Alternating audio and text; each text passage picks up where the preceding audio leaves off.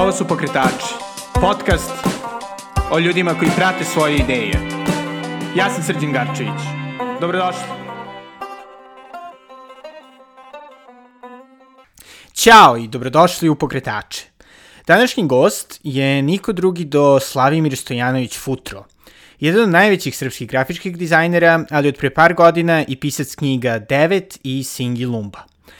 Futro je izrazito inspirativan gost, koliko zbog njegovog uspeha u dizajnu i pisanju, toliko i zbog njegovog dubokog pogleda na život i sobstveni rad. Nadam se da ćete uživati slušajući Futra, zapravo to nema nikakve sumnje, e, ali prije toga želim da vas podsjetim da podržite pokretače i moj blog thenaturaltimes.com preko Patreona i to na adresi patreon.com kosacrta Belgrade. Bez vaše podrške oba ova projekta ne bi ni bila moguća, jer se trudim da zadržim punu kreativnu kontrolu bez institucionalnih donacija, ali i da vas ne opterećujem dosadnim reklamama. A sada, ovo je izuzetni, sjajni, neponovljivi Slavimir Stojanović Futro.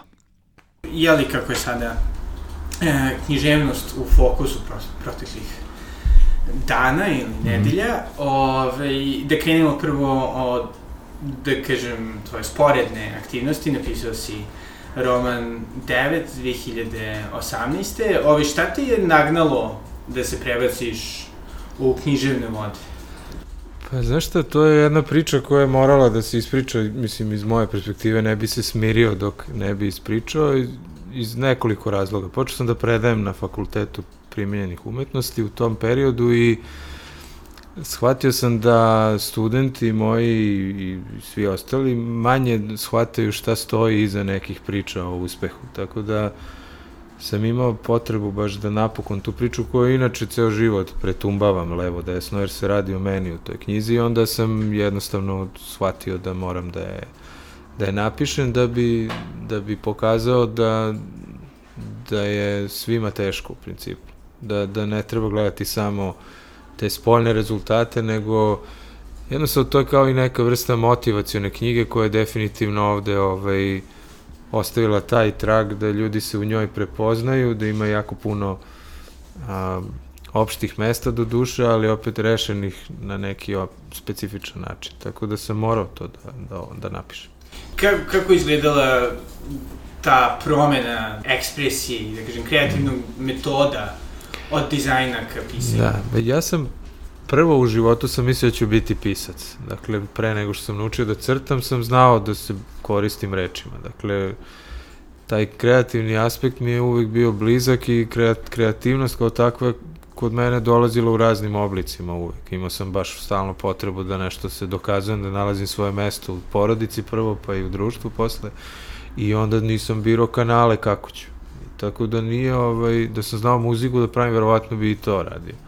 Ali je, to pisanje je došlo potpuno prirodno, jer ja sve vreme u stvari kao podlogu svog grafičkog dizajna, koja je čisto vizualna, ovaj, da kažemo, strana moje ličnosti je ipak, ovaj, ipak je on stalno utemeljen u jakom narativu nekom. Ja sam pre svega ilustrator, odnosno čovjek koji uh, koji komentariše sve što vidi oko sebe ovaj, na razne načine. Tako da pisanje nije daleko od, u stvari od toga, ali se u ovom slučaju to preklopilo sa, i unutrašnjim i spoljašnje svetovi su se ovaj, jednostavno prepleli. I šta ti se čini? Da li te ljudi više razumeju kroz knjigu ili kroz grafički dizajn?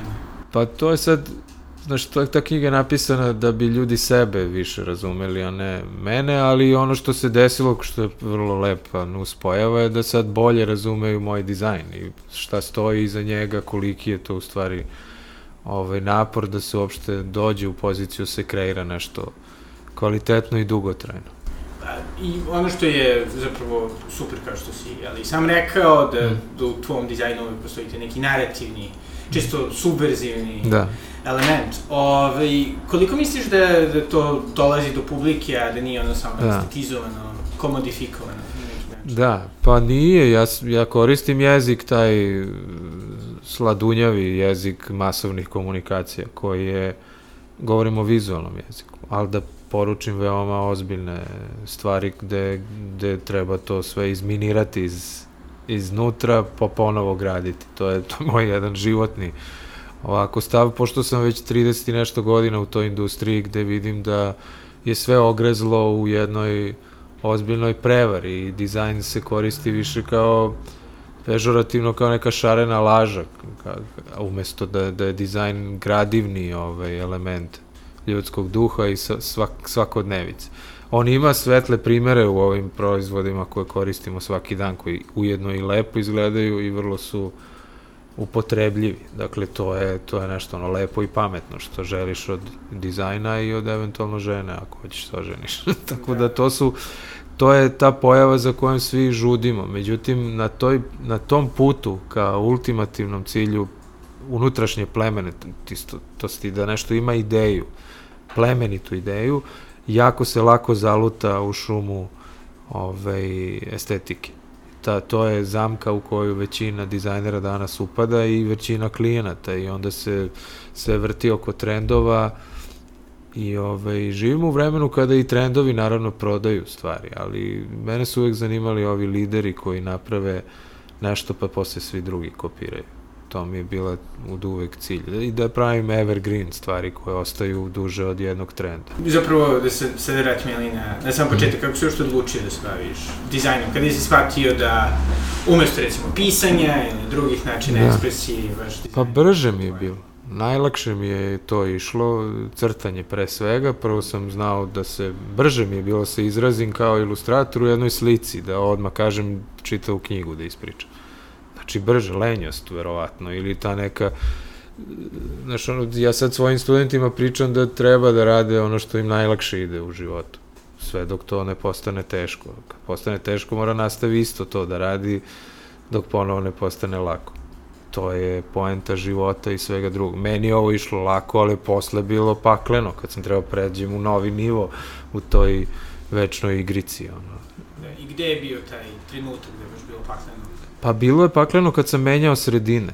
E, odlazio sam recimo odavde iz Beograda sam otišao 92 da dovršim studije u Švedsku i tamo sam se susreo sa, sa skandinavskim tim minimalizmom koji je ovde potpuno strana pojava. Ovde u toku bio raspad države u kojoj sam rođen i formiran u svakom smislu i sad se to raspada i imaš jedan baš onako jedan trulež i dolaziš u jednu potpuno mirišljavu, pročišćenu prohladnu, ali čistu skandinavsku sredinu. I vi suočiš se sa dizajnom i kažeš, jao, pa što je ovo fino.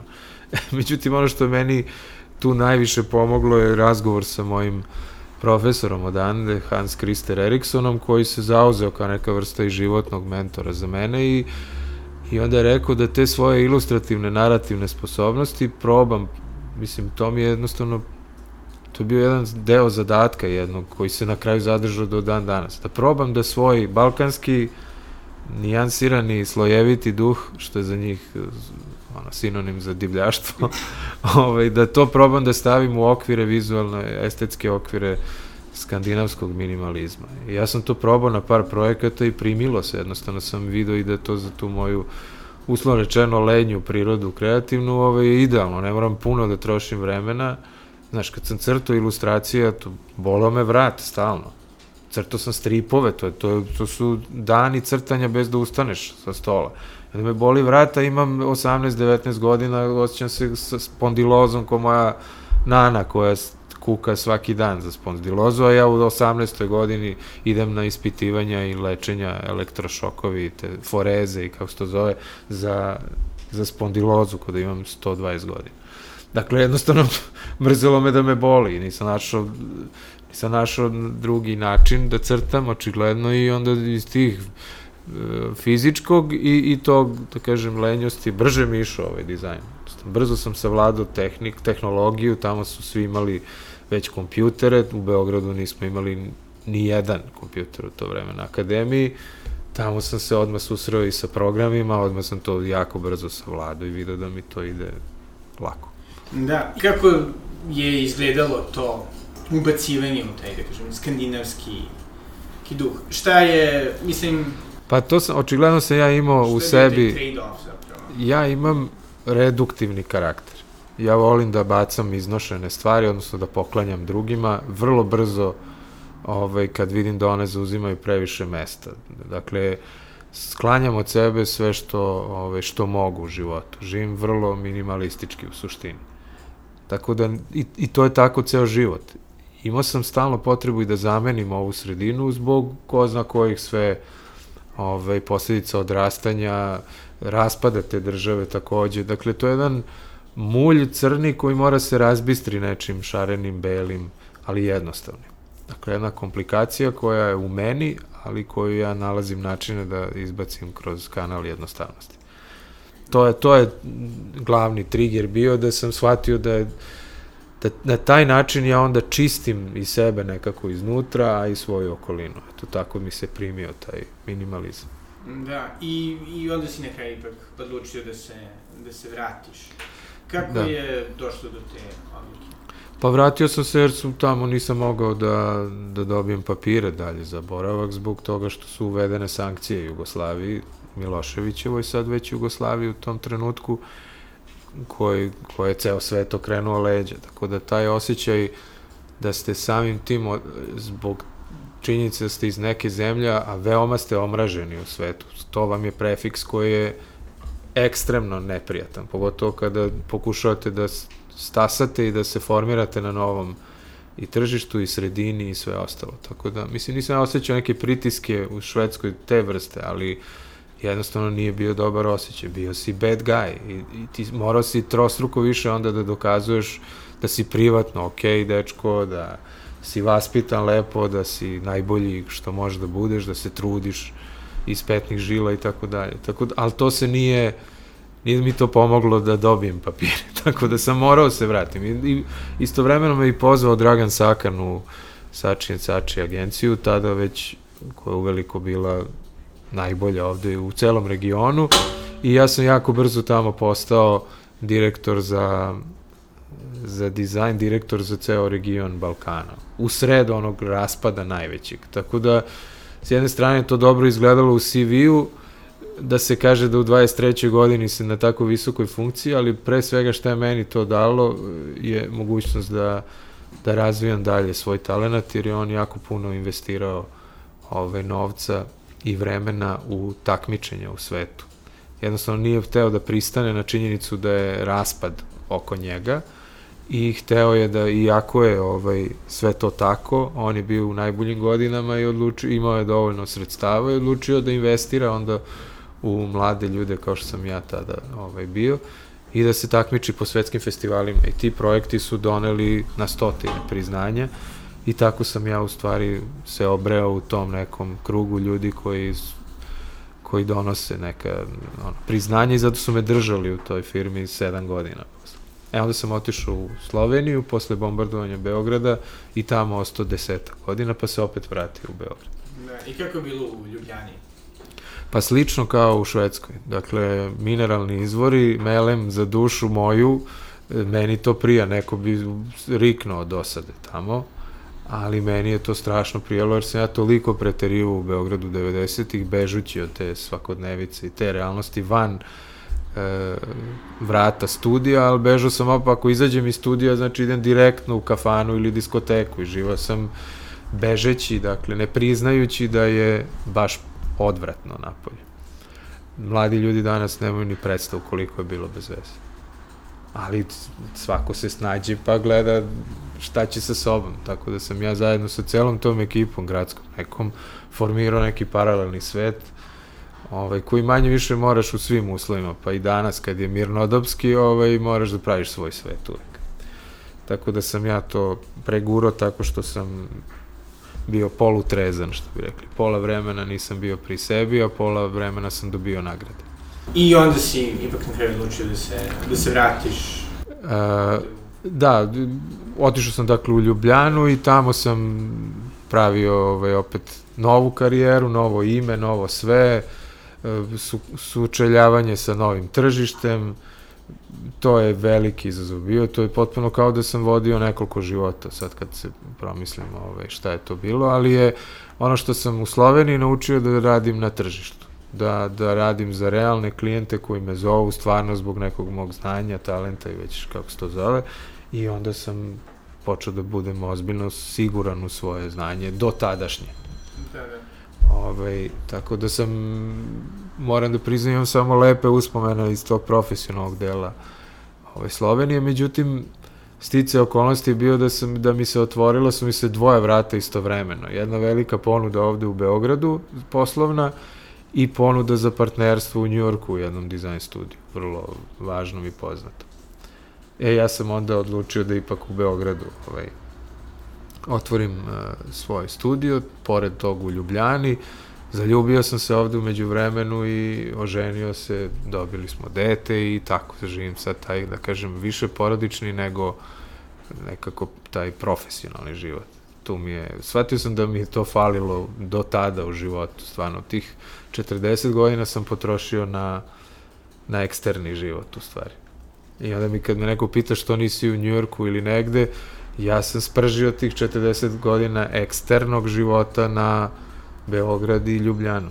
Dakle, Dobre, to su... Geteborg, Dobro, Geteborg je bio više mesečna, nije bila višegodišnja avantura i ona je ostala, mislim, zbog Geteborga sam mislio da ću u, za uvek negde drugde živeti, a ne ovde. Međutim, svako gleda gde mu je srce, kad mu dođe vreme za to i meni je srce objektivno ovde, ovde se ono puni, samo što mora čovjek da putuje dovoljno često da bi znao šta se okolo dešava. To me baš interesuje, ali dobro, prosim da deo razloga za putovanja, mm. ono, ličan, ali sada čisto profesionalno. Da. Me čisto interesuje, po tvojom mišljenju, kolika je razlika između dizajnerske scene u Srbiji i ove, međunarodne dizajn scene, ili postoji neki Pa postoji, kod nas je to sve na nivou amaterskog primi, e, e, ovoga mislim ima i primitivnog, ali pionirskog. Mhm. Dakle, svi momci i devojke koji se bave dizajnom, a vrlo su talentovani, su eksces ovde. Ne možemo da se udružimo u neku jaku organizaciju zato što živimo u patrljcima velike države. I samim tim neki su se bolje organizovali, u Sloveniji, na primjer, imaju ozbiljno bijenale, grafičkog dizajna u Hrvatskoj su ozbiljno u strukturama društva, imaju Hrvatsko dizajnersko društvo koje je veoma, koje vodi samo nekoliko ljudi, ali koje drži taj dignitet te struke imaju cenovnik i tako, dakle, već u samom neposrednom okruženju mi smo ovaj, onako zakinuti za, za neko zajedništvo što se tiče struke, tako da smo morali bi mnogo da se dovedemo u red, Zato ono što pričaju kao neko uvek mora dođe neko da vlada nama da bi nam rekao šta treba da radimo, da taj talente usmerimo negde da, da oni ovaj, procvetaju.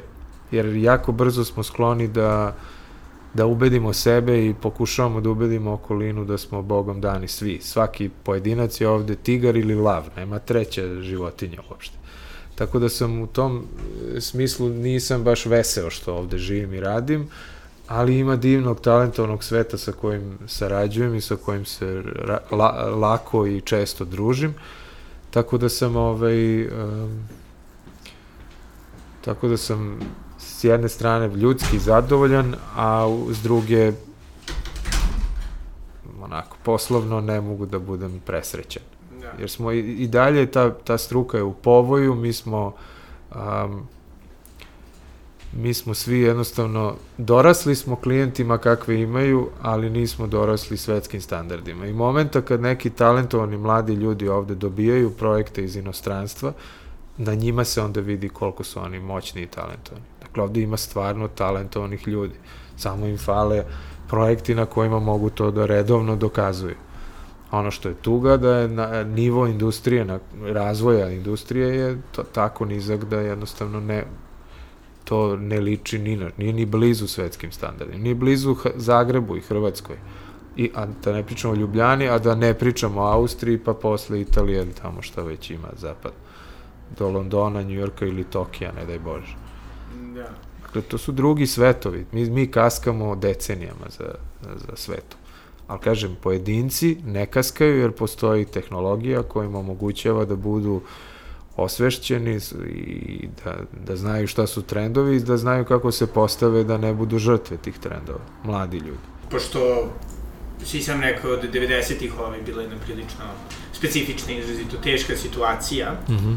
ali je opet postojao taj, ta neka gradska ekipa, ta neka grupa Da. ljudi koji su se međusobno gurali Jeste.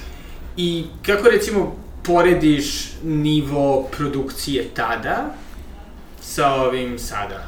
Ne, tad je bilo primitivno nenormalno. Aha, okej. Ne, mi samo, što se kaže, ona pesma ima, pamtim samo srećne dane. To je, tad je bilo odvratno. Okej. S- e, samo su akcenti na nekim e, projektima bili ostali uz, u, urezani u istoriju. I onda ti projekti liče na nešto i kad ih vidiš u nekom annualu, godišnjaku, odnosno nekoj pregledu neke knjizi i kažeš, u, pa nisu se loše stvari tad radile. Danas je spektakularno u produkcijskom i u smislu talenata koji su na sceni. Spektakularno. Dakle, puta sto. Dakle, ali to ne mogu sad mladi da shvate jer se slušaju samo bajke iz 90-ih. A ti, u tim bajkama učestvuje nas desetak ukupno i, i to su stvarno velika priznanja svetska bila, ali i svetska scena očigledno mogla da podnese neke tako polu Znaš, ono, nije, nije, mi jesmo bili deo scene u smislu da je to izgledalo kao da iz, sa Balkana, iz onog haosa, ipak dolaze neke stalno sveže, nove stvari. Ali mi smo radili samo na tom. Mi nismo radili svoje dnevne produkcijske projekte za, ne znam, tadašnji Centrotekstil, Jugo Eksport ili koga već. Beobanku i to su radili neki drugi ljudi. Mi koji smo bili dovedeni u firmu samo da radimo za nagrade, to smo radili. Danas toga nema, nema takvih klijenata koji to traže. E, vlasnika agencija i tako dalje. Možda ima dva, tri neka pojedinca ili, ili ova ekipa koja je ovaj, nasledila sad tu firmu koja se sad zove New Moment, pa su to sinovi Dragana Sakana koji se isto na, nastavljaju tu tradiciju veoma uspešno do duše. Ali ovaj, to su sve onako izuzeci koji potvrđuju pravilo da, da je to sve onako na niskom nivou sve zajedno.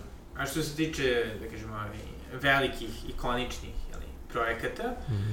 E, pre, jel tako sada, dve godine, 2018. si dizajnirao logo za Narodni muzej, Mhm. ovaj, koji kombinuje, jeli, Da. i tradiciju i prilično nov. Kako je to, to izgledalo? To je bila neka vrsta profesionalne satisfakcije? Pa jeste, naravno svaki dizajner želi da utiče na društvo u kome živi. Ja sam recimo u tom periodu baš osetio da postao sam profesor i osetio sam da, da, da nedovoljno doprinosim, jednostavno da sam da većina mojih klijenata su nisu deo industrije ove, nego negde napolju su većina mojih klijenata i onda samim tim vidim da živim u gradu u kome nema previše mojih nekih dostignuća kojima sam popravio estetski nivo sredine u kojoj živim. I onda, onda sam gledao šta mogu da radim i otvorila se ta prilika, ja sam ponudio besplatno da, pošto sam čuo da će stvarno da se otvori posle 15 godina muzej, i onda sam se ponudio, bukvalno sam rekao, uradit ću besplatno, samo me pustite da uradim kako mislim da treba. I imao sam sreću da su me stvarno pustili. Da. A koliko misliš da da uopšte sad ima prostora za to neku, taj neki angažman lokalnih dizajnera ili kreativaca generalno, na tim nekim javnim projektima? Pa ima, oni su svi angažovani već na, na javnim projektima, samo je pitanje izbora i pitanje koliko ih se pusti da pokažu dakle, ko su ti dizajneri, koliko su talentovani, a koliko su politički uvezani pa onda zato rade, ili vlasnici agencije u kojima oni rade, ovaj, svejedno. E, I koliko je klijent e, svestan da mora majstora da pusti da operiše, a ne sami sebi da prčkaju po mozgu. Dakle, taj pitanje te hirurgije stalno se postavlja, znači da moraš na operacioni sto, ne daj Bože, ne bi pustio nekom ko misli da zna to da radi, nego nekom ko je osvedočen stručnjak. E, mi imamo tendenciju da ovakve slatke poslove kao što je dizajnerski, onda svojatamo pa mislimo da možemo sve to. Tako da je tu, tu smo veoma zakinuti. Zašto? Zato što to ne određuje tržište, nego određuje volja pojedinca u tom momentu, on želi, eto malo da mu se to ulepša, da mu ne bude bez veze. Rekla mu žena, otput bila u Udinama da, na popustu da kupi, pa mu rekla treba da je zeleno-crno i treba da je da zoveš dizajner. A onda dizajner mu donese i kaže ne može zeleno jer se bavite hemijom, a zeleno je boja za jestive stvari, a onda on kaže ne, ne, ne, mora zeleno i onda na kraju sam dizajner. Dakle, a potpiše se mučeni dizajner koji da bi uzeo bar i tih 120 eura koliko su, honorari su ekstremno niski ovde. Ove, ovaj, tako da smo u jednom baš lošem trenutku, a s druge strane ono što raduje je, pošto imamo ulaz u ovaj studentski deo ovaj, našeg života, da vidim da ima talenat. Tako da, znaš, ono, baš je disproporcija između realnosti i, i talenata koji ima. Da, da. E, isto sada da se jeli, vratimo na taj prelepi logo. Mm. E, ono što, mislim, često može da se, da se primeti, ono, širom sveta, to je da nekako dizajn postane, postaje dosta unificiran. Mislim, dobro, to mm. nije nova stvar, to je, jeli, od još ono, 30. godina. Da. Dok vaš dizajn, to je tvoj dizajn, mm. je dosta, ovaj, mislim, ima dosta referenci, ne znam, i na Kelte i na, naravno, našu srednjevekovnu kulturu. Koliko mm. misliš da da te neke, e, da kažem, etno uticaj imaju mesta, imaju smisla Pa u ovom slučaju baš imaju puno, pošto u pitanju Narodni muzej mi smo ovaj, živimo na ostacima raznih kultura, ne živimo na jednoj samo. Ovde su stotinama godina bili Turci, dakle pre toga stotinama godina su bili Rimljani. Dakle, bili smo i mi, naravno, Sloveni, ali bilo je tu Kelta pre toga, pa vinčanske kulture, pa svega živog ovde stvarno ove, je svašta prošlo, ove, ozbiljna ove, kolevka raznih civilizacija. Tako da ja, ja radije mislim o nama kao o skupu raznih energije i uticaja nego tu naslednicima jedne neke monolitne tradicije. Pa da, da, ni ne mislim da je ovo, ne može da se kaže, za ovo podneblje uopšte to, ovaj grad je rušen na desetine puta. Tako da je samim tim kogod je došao je postao gazda. Uh, u tom smislu onda ljudi moraju da se osjećaju da su bogati, a ne da su zakinuti zato što, ne znam, smo sad, nije nam baš dobra ekonomija, ali imamo druge ove vrednosti. Tako da te vrednosti, meni je najvažnije da u dizajnu isplivavaju ove vrednosti na koje možemo da budemo ponosni. I u tom identitetu baš za Narodni muzej mislim da toga ima pregršta. I koje bi rekla da su da su te vrednosti? Pa vera u, u tu, jednostavno, u tu raznovrsnost. Mislim da, je vre, da to moramo da počnemo da istražujemo, o tome moraju se pišu knjige, filmovi, da se... Mi smo sada trenutno, imam taj doživlje da smo taoci jedne, a, može i kultura da se kaže, iako ne pokazuje baš svoje najlepše lice ali izgleda kao da smo u jednom nekom tračnici.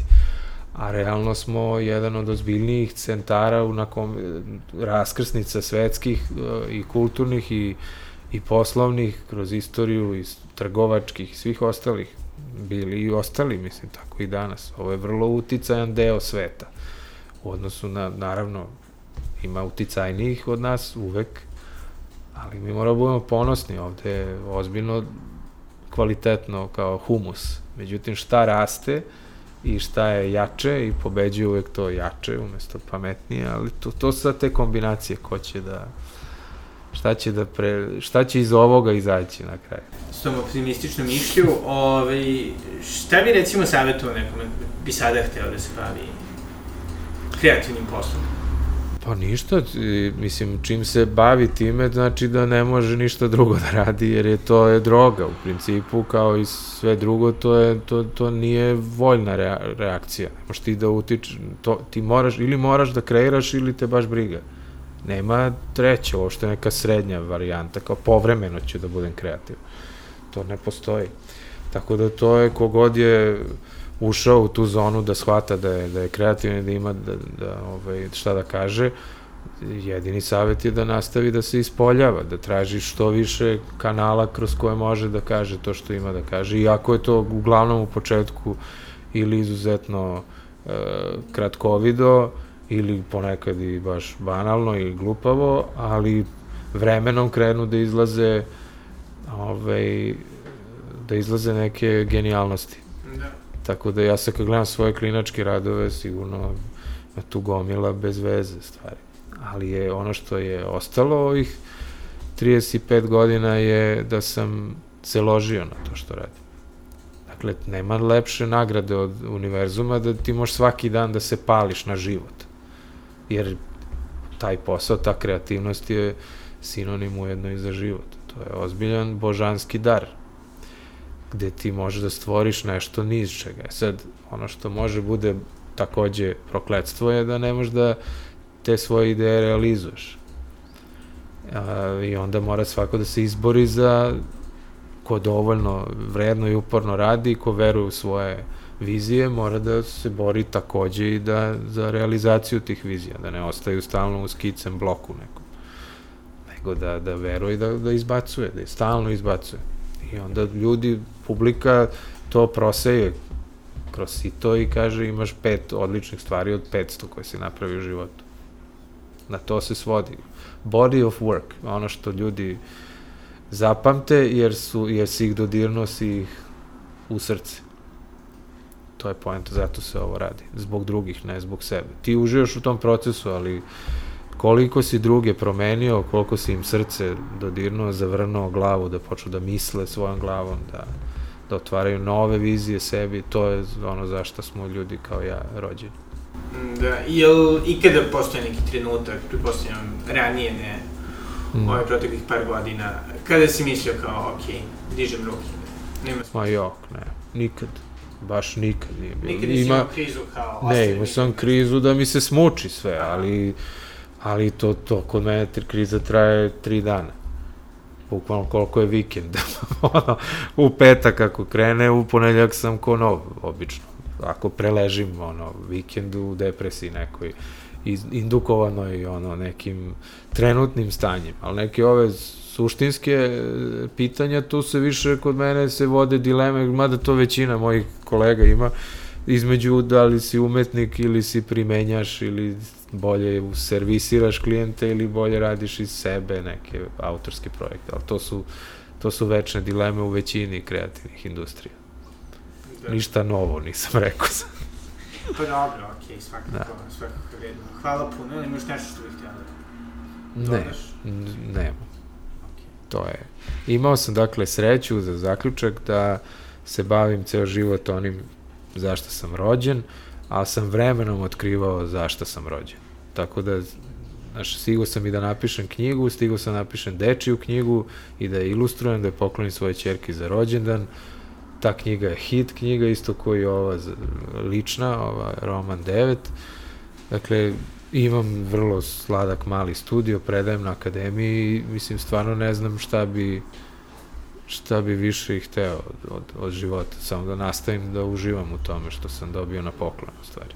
Da, pa dobro, postoji onda sada neki novi cilj, neki novi veliki projekat? Novi cilj je recimo da se napiše još jedna ovaj, sledeća neka knjiga koju imam u naravno sinopsisu sređenu, samo za nju moram da odvojim vreme i da počnem da intenzivnije radim na toj uh, Singilumba, ovaj, avanture Singilumbe, koja je u stvari dečija knjiga koja ima veliki potencijal za svetski, ovaj, kako bi rekao, prodor u smeru i animacije i svega ostalog. To je baš onako jedan zdrav brend koji nije utemeljen u ironiji, nego naprotiv isključivo u plemenitosti. Ja mislim da je to nešto što svetu treba.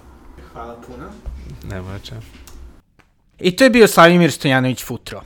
Jedna od najlepših stvari u pravljenju ovog podcasta je to što mi dopušta da upoznam toliko sjajnih ljudi kojima sam se ranije divio, tako da ako ikada budete imali sumnje da i treba da napravite podcast koji vam to omogućava, apsolutno moram da vam kažem da to uradite, čak i ako ćete mi biti potencijalno konkurencija.